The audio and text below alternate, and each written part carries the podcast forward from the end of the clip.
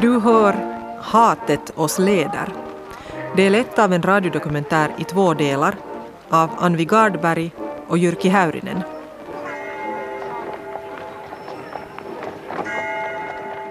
En sådan tid vi lever i. Att den ryska envåldsmonarkin störtar samman under buller och bång. Det är 1917, ett år av uppror och omvälvning. Och ett år när många misstag begås. Den länge väntade revolutionen har äntligen kommit. Karl Rudolf Gardberg är 18 år och går i gymnasiet. Han är son till en välbärgad fabrikör och handelsman i Åbo. Revolutionen får honom att hoppas att Finland snart ska frigöra sig från Ryssland. Det är brusande, svallande känslor, nya signaler, frihetsentusiasm. Ryssland vaknar och väcker hela världen. Arbetarna ska bli befriarna. Så är mitt hopp. Låt dagarna komma. Allan Wallenius är 26 år gammal, bibliotekarie i Åbo. Han är son till en kontorist och hans lön är så låg att han inte har råd att gifta sig med fästmön Signe. Om mindre än ett år kommer Karl Rudolf och Allan att stå på olika sidor i inbördeskriget. Nu är det den 17 mars och båda är ivriga över revolutionen. Blodet formligen kokar och sjuder igen. Man har ingen ro i sig. Åbo är Finlands näst största stad år 1917. Det har gått rykten om oroligheter i Ryssland men censuren har hållit ett järngrepp om tidningarna. Världskriget har pågått i två och ett halvt år. Det går dåligt för Ryssland i kriget. Två och en halv miljoner människor har dött. Det är brist på mat. Stora demonstrationer i Petrograd.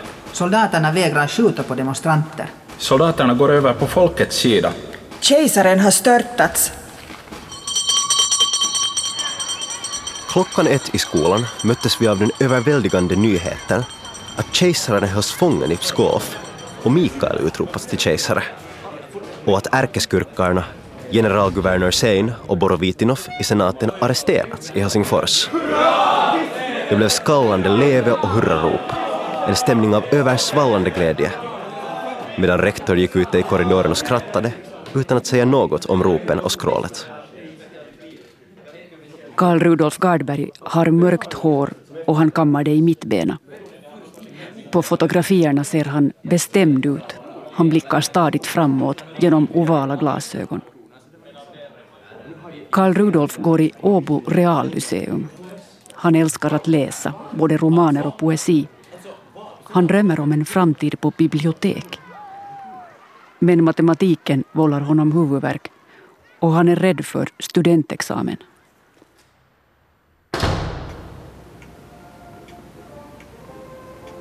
Jag satt här uppe i mitt arbetsrum på biblioteket. Såg plötsligt nedanför domkyrkan en illande röd socialistduk. Sånger hördes och Marseljäs. Jag ringde ner till Holmbergs rum och slog alarm. Vi rusade ut. Allan Wallenius arbetar på Åbo stadsbibliotek. Hans arbetsrum vetter mot domkyrkan på andra sidan ån. Allan är blond med kortsnaggat hår. På fotografierna är blicken vaken och allvarlig. Allans bakgrund är småborgerlig. Men i Åbo klassiska lyceum blev han inspirerad av läraren Georg Bolt, socialist och pacifist. Också Allan ivrar för fred och han skriver dikter. Dagen stiger i öster, blodröd himlen är. Skyarna ilar, bär bud ut i rymden om solguld och ljus. Nattliga skuggor viker och flyr. Människorna vaknar till dåd och äventyr. Vi såg officerare arresteras utanför marinstaben vid Hotell Fenix. Marinsoldaternas bajonetter blänkte i solen. Det var inte att protestera. Karl Rudolf Gardberg var min farfars storebror. Vi hittade hans ungdomsdagböcker i en kista hemma hos hans son över 90 år efter att han skrivit dem. Trottoarerna var till trängsel fyllda av folkmassor. Genom sorlet och stojet trängde tidningspojkarnas gälla rop i olika tonarter. Sähkösanomat, sähkösanomat. Och solen sken så underbart varmt. Det droppade från taken. Det är särskilt dagboken från 1917 som fascinerar mig. Den unge Karl Rudolf följer noga med sin omvärld och arbetarnas uppror griper in i hans eget liv. Hur kommer det sig att den här unga mannen som älskar litteratur och har förståelse för arbetarnas krav sen blir så uppfylld av ilska, ja, hat? Varför väljer han att gå ut i krig mot de röda? Och Allan Valenius, varför är han med och gör revolution? Idag blir jag uppmanad att förneka mina bästa tankar. Mitt hat mot förtryck och våld, mitt brinnande hat mot satanismens främste på vår jord. Nej, aldrig ska jag dock förneka min tro på det rätta och sanna och därför ska jag även sjunga ut mitt förakt och mitt hat mot våldet. Det må vara hur mäktigt som helst. Allan Valenius dagbok finns i Åbo Akademis handskriftsarkiv. Och bit för bit hittar jag mer av det han skrivit. Brev, dikter, tidningsartiklar. Jag hittar polisens uppgifter om honom. Mycket i Allan påminner mig om Karl Rudolf. Båda svärmar för poesi och litteratur och flickor. Varför slutar de som fiender? Slå dånande trummor, blås smattrande horn. Revelj över världen till revolution. Se folkenas vår stiga fram med sin sol mellan jagande moln.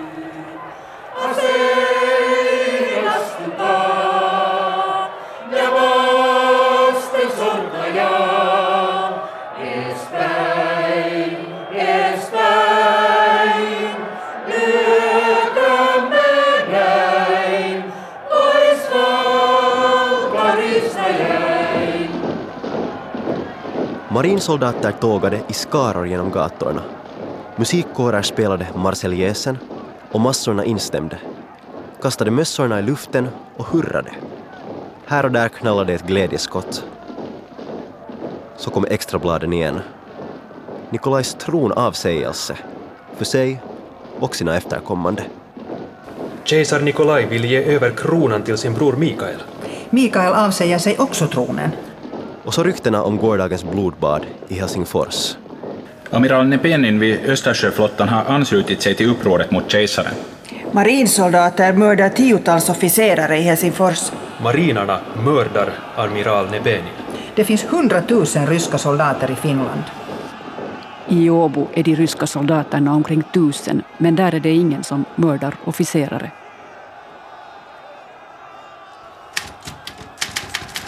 Åbo polismästare, överstelöjtnant Ståhl, blev häktad. Han har varit med om att underteckna en arbetares dödsdom genom hängning. Han hölls strängt bevakad. Allan Valenius skriver för tidningen Arbetaren i New York. När han studerade bibliotekskunskap där knöt han kontakter till den här svensk-amerikanska tidningen. Från stadens fängelser lössläpptes alla politiska fångar. Alla olyckliga som spärrats in för det misslyckade revoltförsöket på Sveaborg för ett tiotal år sedan. Och alla som i tiden deltagit i bankplundringar till förmån för de revolutionära kassorna. Marinsoldaterna tågar upp till Kakola fängelse och släpper ut 30 fångar som kan ryska och påstår sig vara politiska fångar. Det finns några farliga förbrytare bland dem. Och läget i fängelset är kaotiskt i flera veckor. Det var marinarna som gjorde det huvudsakliga arbetet. Min aktivitet inskränkte sig till att inköpa tobak för åtskilliga finska mark och dela ut bland de allvarliga och frihetsrökande revoltörerna.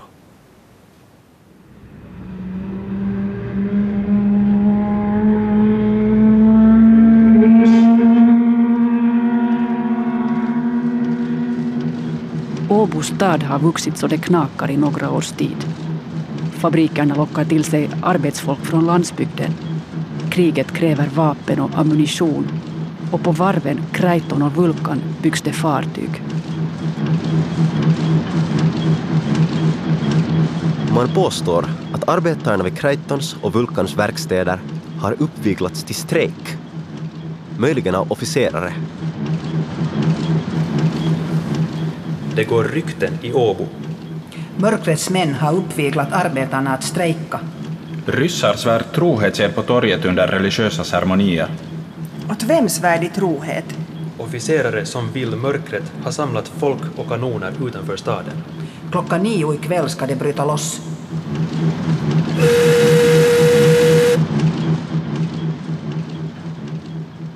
Karl Rudolf nämner rykten om våld och sammanstötningar i sin dagbok.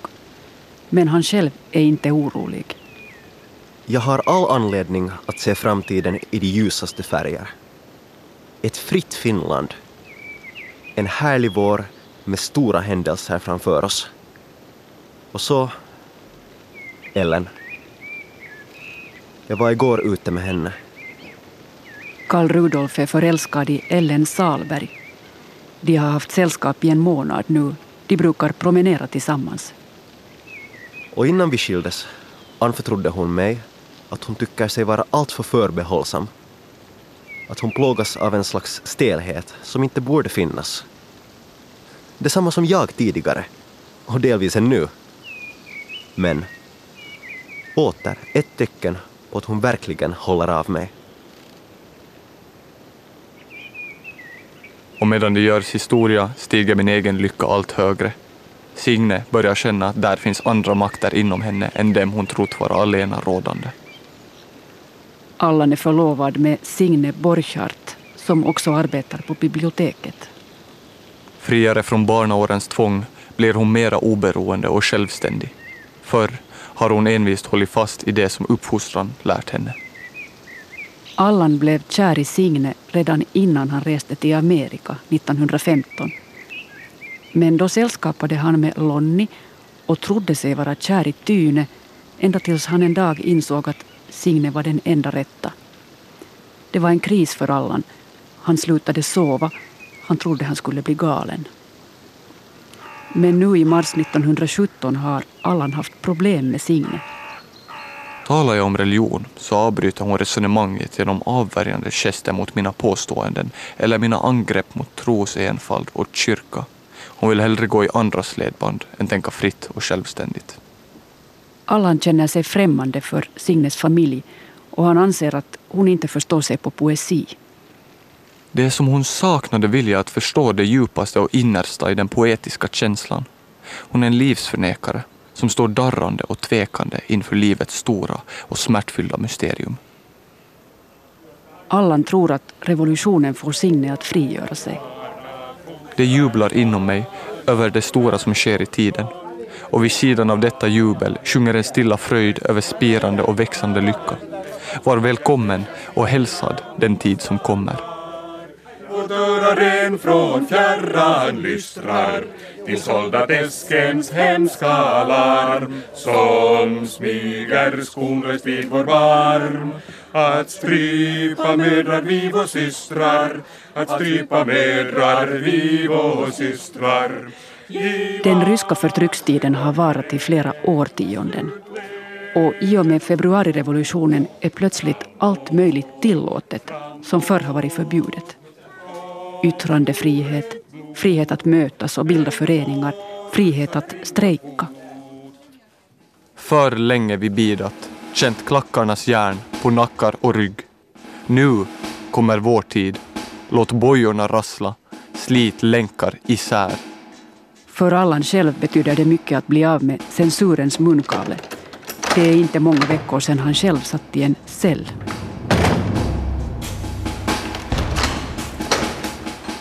Fängelsemurar, galler och järnbeslagen dörr. Fångarna skjuter ikväll. En ventil gnisslar och genom fönstret tränger surr från staden. Utestängd, avstängd, i fängelse. I januari 1917 hämtade gendarmerna Allan och förde honom till fängelset. Varför? Ge en mening åt det meningslösa. Jag, häktad, misstänkt för att gå den tyska kejsarens ärenden. Honom som jag hatar av brinnande själ, lika högt som jag älskar friheten och just därför.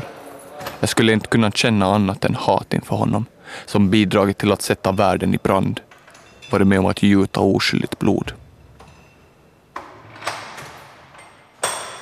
Allan hade träffat sin bror Paul i Stockholm på hemresan från New York. Det har gendarmerna fått reda på. Därför slår de klorna i Allan. Paul är två år äldre än Allan. Han har i hemlighet rest till Tyskland. Han utbildar sig till jägarkapten. Nu smugglar han ut blivande jägare från Finland till Sverige. Om ett år kommer bröderna att stå på olika sidor i kriget. Paul blir vit och Allan röd.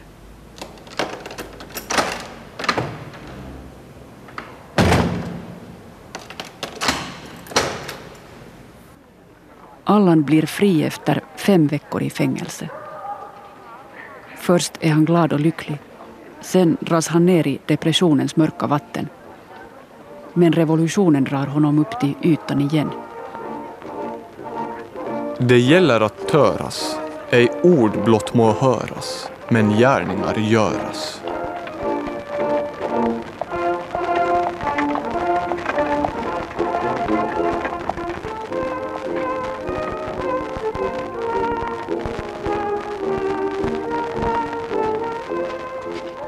I april och maj 1917 jäser det i Åbo. Strejk följer på strejk och arbetarna visar sin styrka med demonstrationer. Jublet över den så kallade friheten kom visst en smula för tidigt. Interimsregeringen i Petrograd har händerna fulla med soldatråd och anarkister. Och socialisterna här i Finland uppträder på styva linan och gör sig breda. Alla spårvarit, ned med borgarna, är lösen för dagen och det går rykten om förestående lynchningar och massmord.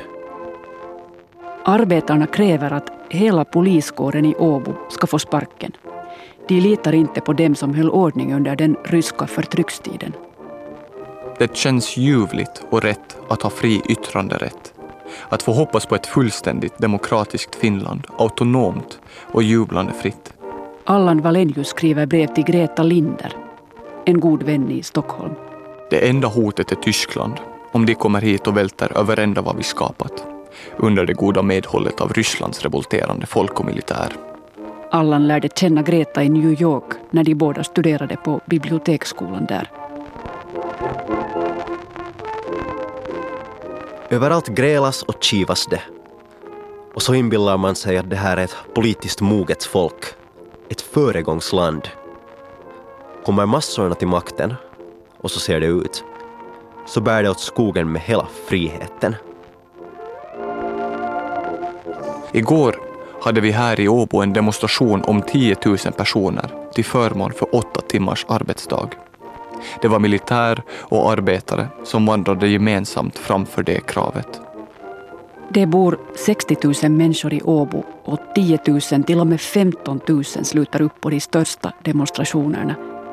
Det är en fjärdedel av alla i staden. I Åbo är de rika ännu rikare än på andra håll i Finland och de fattiga lider nöd.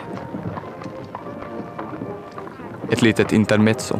Ovanför en apoteksdörr syntes den ryska kråkan. Rysslands vapen med en dubbelhövdad örn. Tvenne marinsoldater skyndade ut från ledet. En lasso improviserades och så drogs den tvehövdade i gatan. Lugnt, allenast, med några skrattande utrop passerade det hela.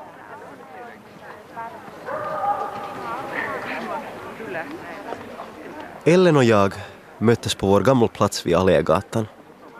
Och så promenerade vi. Vi gick över Jungfrustigen och utåt vägen som för till kommunala sjukhuset. Vilda rykten hade cirkulerat under dagens lopp. Man talade om en Bartolomei-natt, huliganhopar och en massaker på 10 000 borgare. Men valborgsmässoaftonens stillhet rådde här ute och över oss lyste månen hög och klar.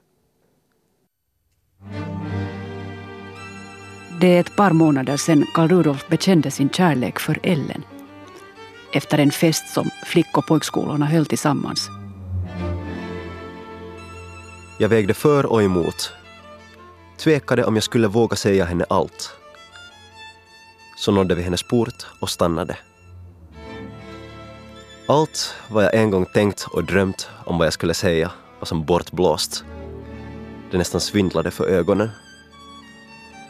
Och jag kunde blott tala om att jag höll så innerligt av henne och fråga om hon alls brydde sig om mig.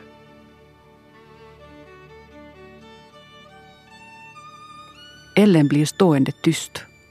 Så säger hon förläget, det här var så oväntat. Hon hyser nog intresse men hon vet inte om det är tillräckligt starkt. Hon hoppas att det ska bli det. Vi kom överens om att bli vänner. Kanske en gång något mer.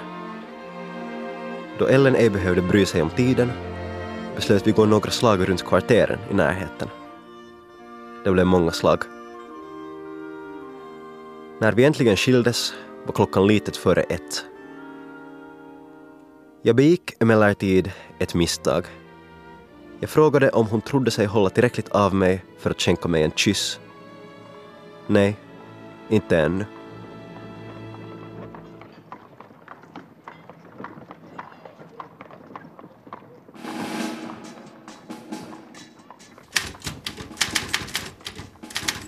Det var pingstdagarna och veckan efter som denna strejk paralyserade allt arbete i Finlands näst största stad. I slutet av maj 1917 blir det stort arbetaruppror i Åbo. Brandmanskapet i Åbo är missnöjt med chefskapet och fordrar dess avskedande. Manskapet strejkar, brandkommissionen förklarar samtliga avskedade. Nu slår socialisterna på stora trumman. Generalstrejk ska proklameras. Borgarnas makt ska krossas. Alla till strid. I spetsen för brandkåren stod en före detta militär som på allsköns sätt visat sig särdeles olämplig på platsen.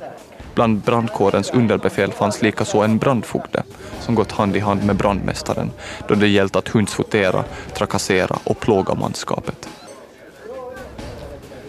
Detta är således den så kallade friheten.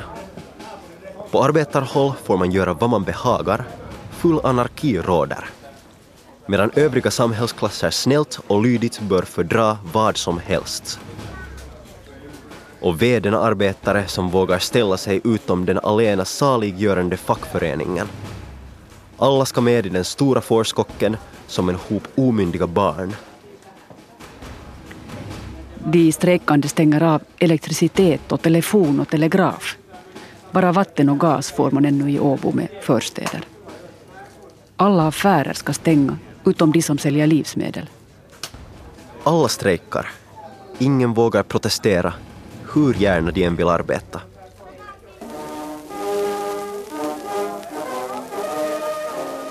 Och de blygsamma fordringarna. Kontrakten ska göras kollektivt och man får inte sätta bort en dålig arbetare utan att samtidigt säga upp alla. Om arbetarna strejkar bör de ändå åtnjuta full lön. Arbetarna ska dekretera. Chefen har blott att tacka, bocka och lyda. Frihet.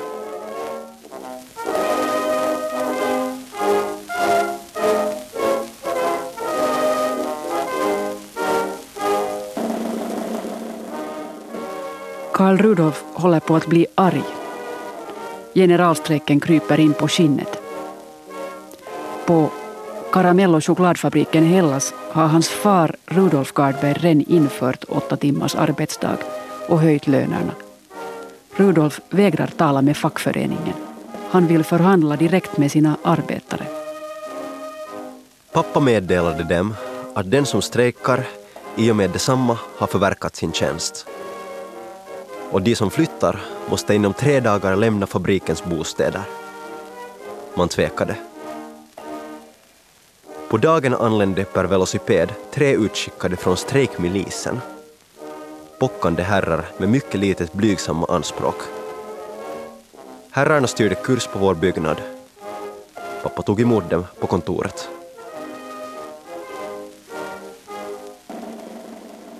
Alla måste strejka, men ingen fick avskedas. Ännu mindre avhysas från bostäderna. Om pappa inte går in på deras fordringar så ansvarar de ej för ordningen. Det kan hända att allt här är lagt i grus innan kvällen. Arbetarna har samlat tusen man i strejkmilisen. Också kvinnor är med. De ryska soldaterna hjälper till. Tillsammans tar de makten i Åbo. Uppträlar ut i alla stater som hungern bojor lagt upp på.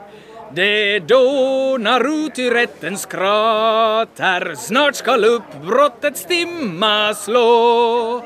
Störta skall det gamla snart i gruset, slav stig upp för att slå dig fri.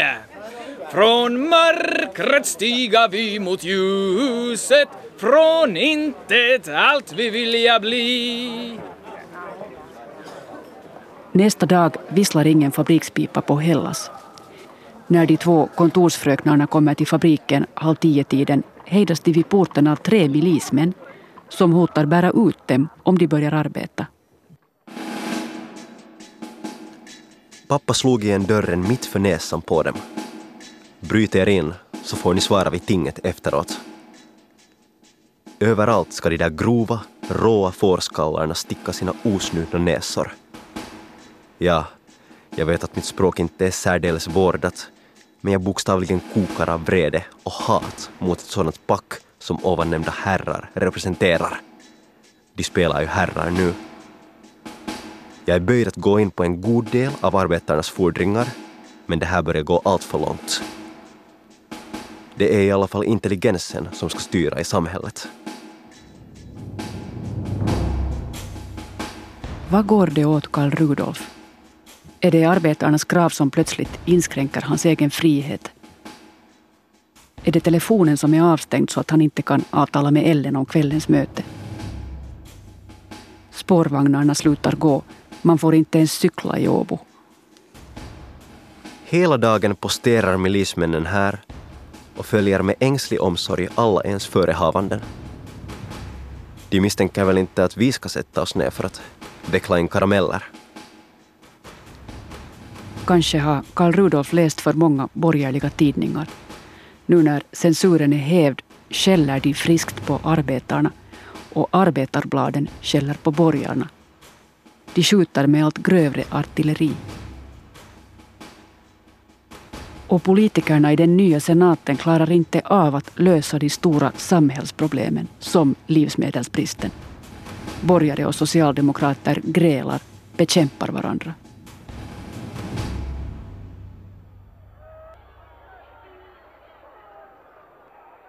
Hatet oss leder, flammande vilt, mot orätt och våld. Men klarast slår lågan på krigarnas altar av kärlekens eviga eld.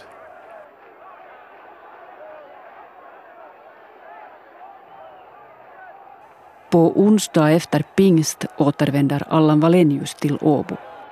Han är lärare vid Åbo arbetarinstitut. Han har varit på ett möte för lärare och elever i Helsingfors. Att strejken var effektiv kunde jag klarligen se. Ingen trafik på gatorna, endast fotgängare och överallt syntes arbetarnas egen milis. Av polisen syntes inte ett spår. Även den hade fått lov att strejka mot sin och polismästarens vilja. Jag sökte mig mot centrum. Runt stadshuset syntes en väldig massa människor. I Åbo hade väldiga massor omringat stadshuset där stadsfullmäktige hade sammanträde. Man skulle kvarhålla dem tills de gått in på fordringarna. Åbo stadsfullmäktige vägrar gå med på arbetarnas krav. Strejkmilisen sätter stadsfullmäktige i arrest. Man släpper den först när de har fattat beslut om brandkåren. Alla milismän har ett trekantigt vitt märke på bröstet. Upp till kamp emot kvalen, sista striden det är. Ty internationalen åt alla lycka bär. Mitt medlemskort och min egenskap av medarbetare i tidningen Arbetet öppnade den andra miliskedjan och tack vare en bekant streckkommittéledamot slapp jag jämväl in genom den säkra milisvakten vid dörren. Klockan var nära sju. Folkmassan som bidade utanför på svar hade blivit orolig och började tränga på. Milisen hade svårt att komma till rätta med den.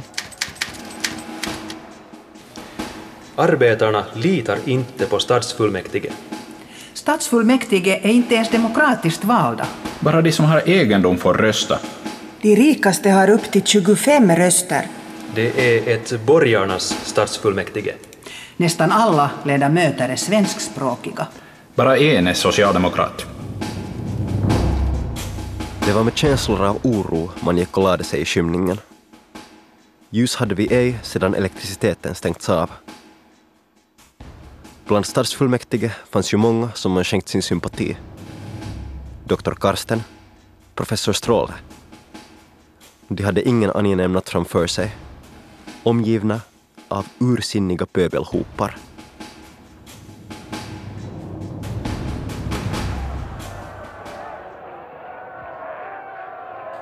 Det var ganska intressant att se hur olika brytningar åstadkoms hos olika personer bland stadsfullmäktige.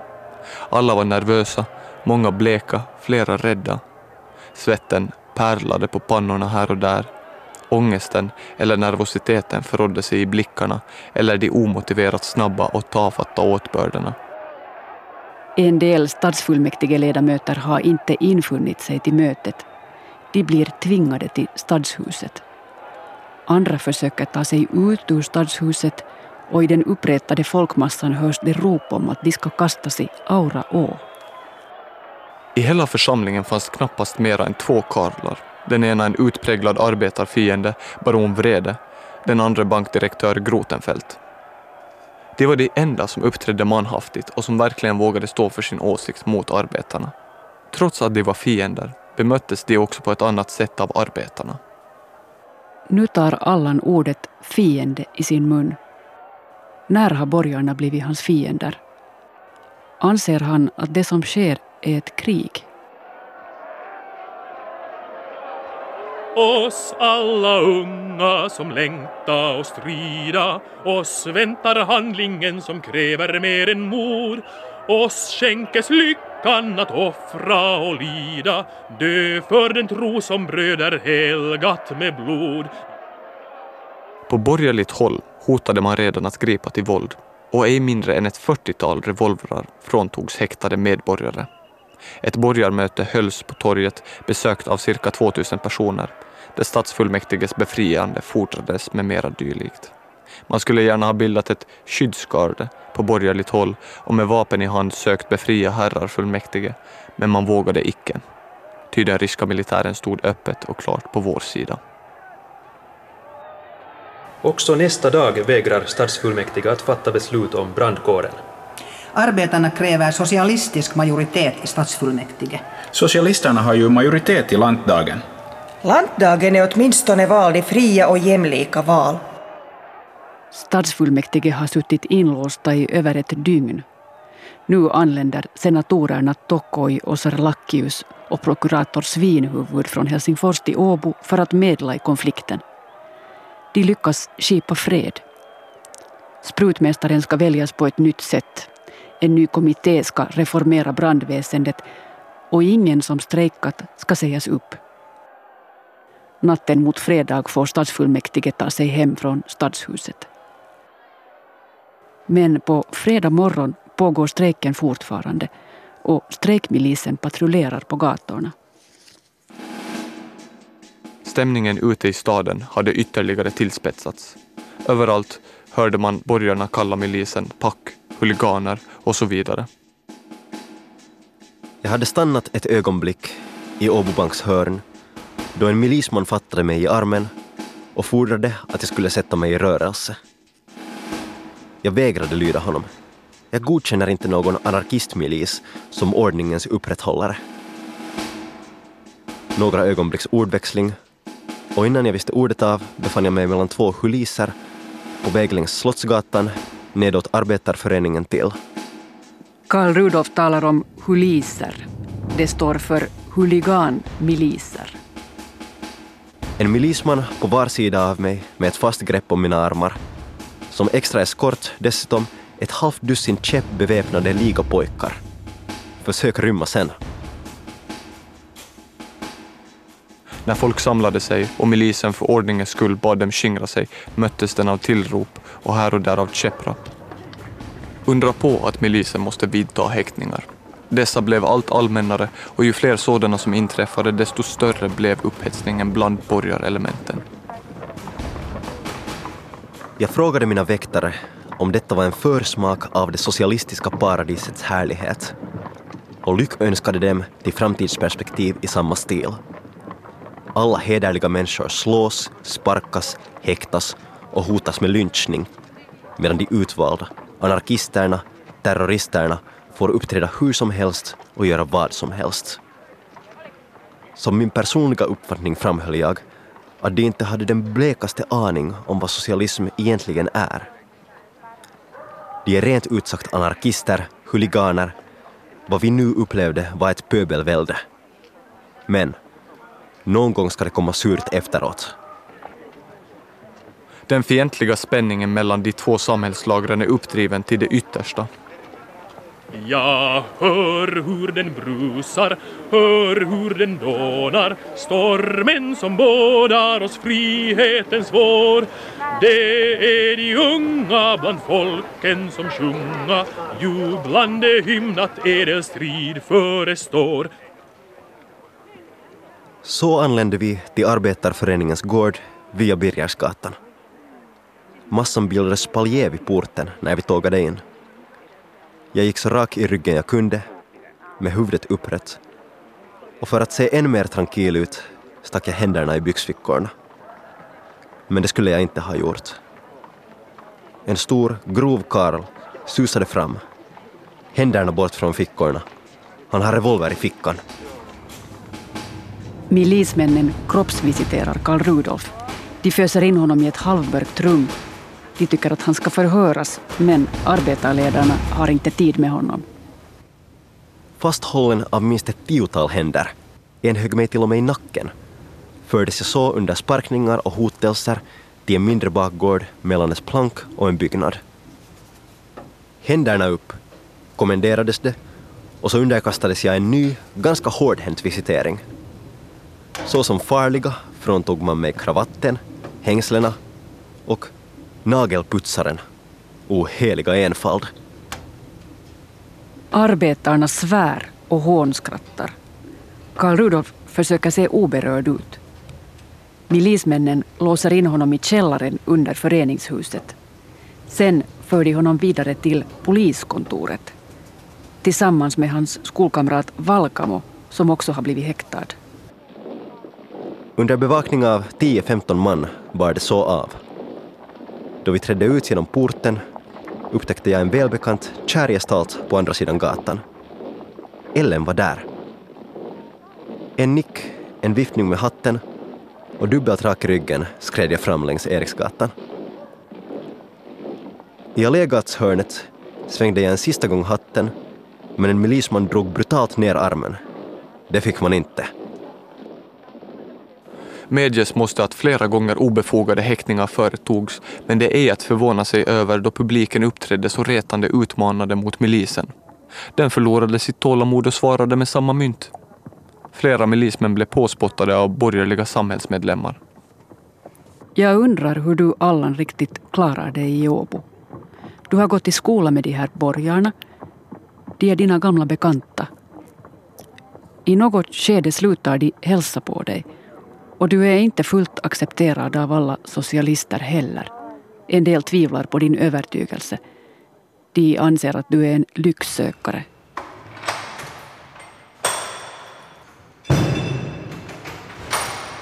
Inne på poliskammaren tömdes mina fickor och så spärrades jag in i en cell. Den tunga dörren låstes efter mig och jag satt arresterad, som en missdådare. Cellen var inte stor, diagonalt kunde jag gå fyra steg. Och då fanns inte så mycket som en bänk att sitta på. Med renligheten och odören var det si och så. Uppe under taket fanns ett fönster med tio gallerstänger. När jag hävde mig upp kunde jag se ett plank, några skorstenar och i fonden Mikaelskyrkans torn. Tiden gick långsamt. Valkamo, som hade cellen bredvid, hade lyckats smuggla in sin klocka och han meddelade mig var halvtimme som gick.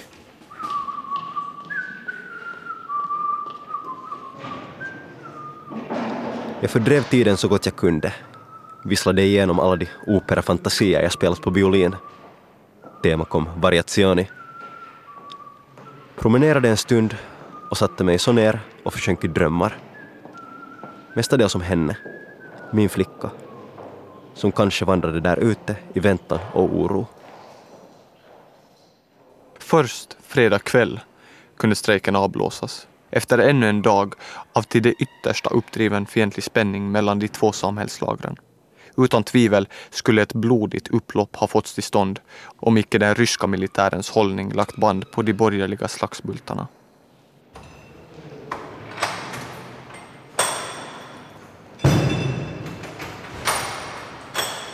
Halv nio-tiden kunde jag uppfatta att vi snart skulle bli frigivna och lite efter nio rasslade nyckelknippan. Befrielsens timme slog. Jag återfick mina tillhörigheter och frågade samtidigt om det rättvisa i att hålla mig sju timmar häktad för en obetydlighet. Herrarna teg. De föreföll oväntat spaka. Inga trekantiga milismän syntes till. Strejken var tydligen avblåst. Utkommen kände jag mig något svag i knäna. Jag hade ingenting ätit sedan klockan elva och nerverna hade hela tiden varit på spänn. Men här mötte mig det bästa av allt. Något som kom mig att genomfaras av en ilning av glädje. Ellen var där. Det faktum att min flicka väntade på mig uppvägde nästan de sju timmarnas arrest.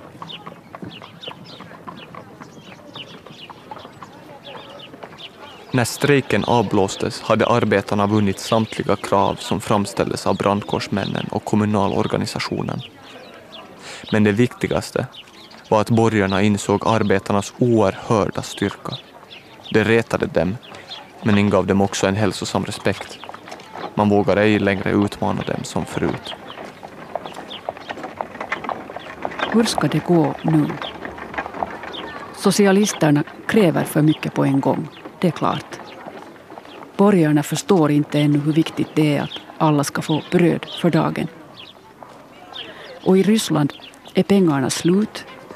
Det går inte längre att importera spannmål därifrån.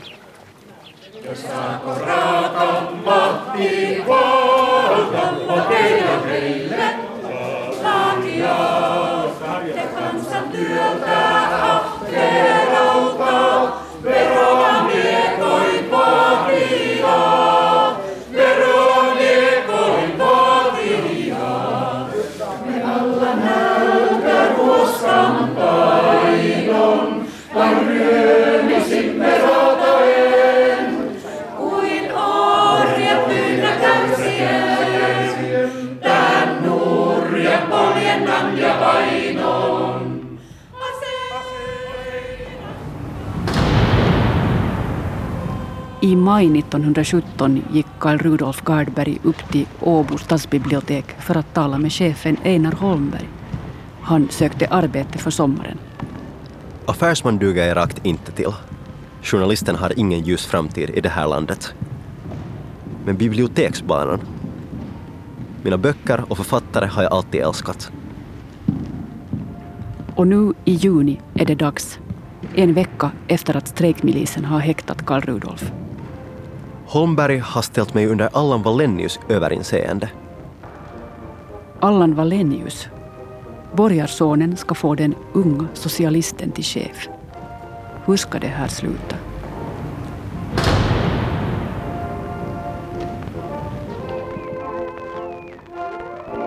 Hatet oss leder var del ett av en radiodokumentär i två delar.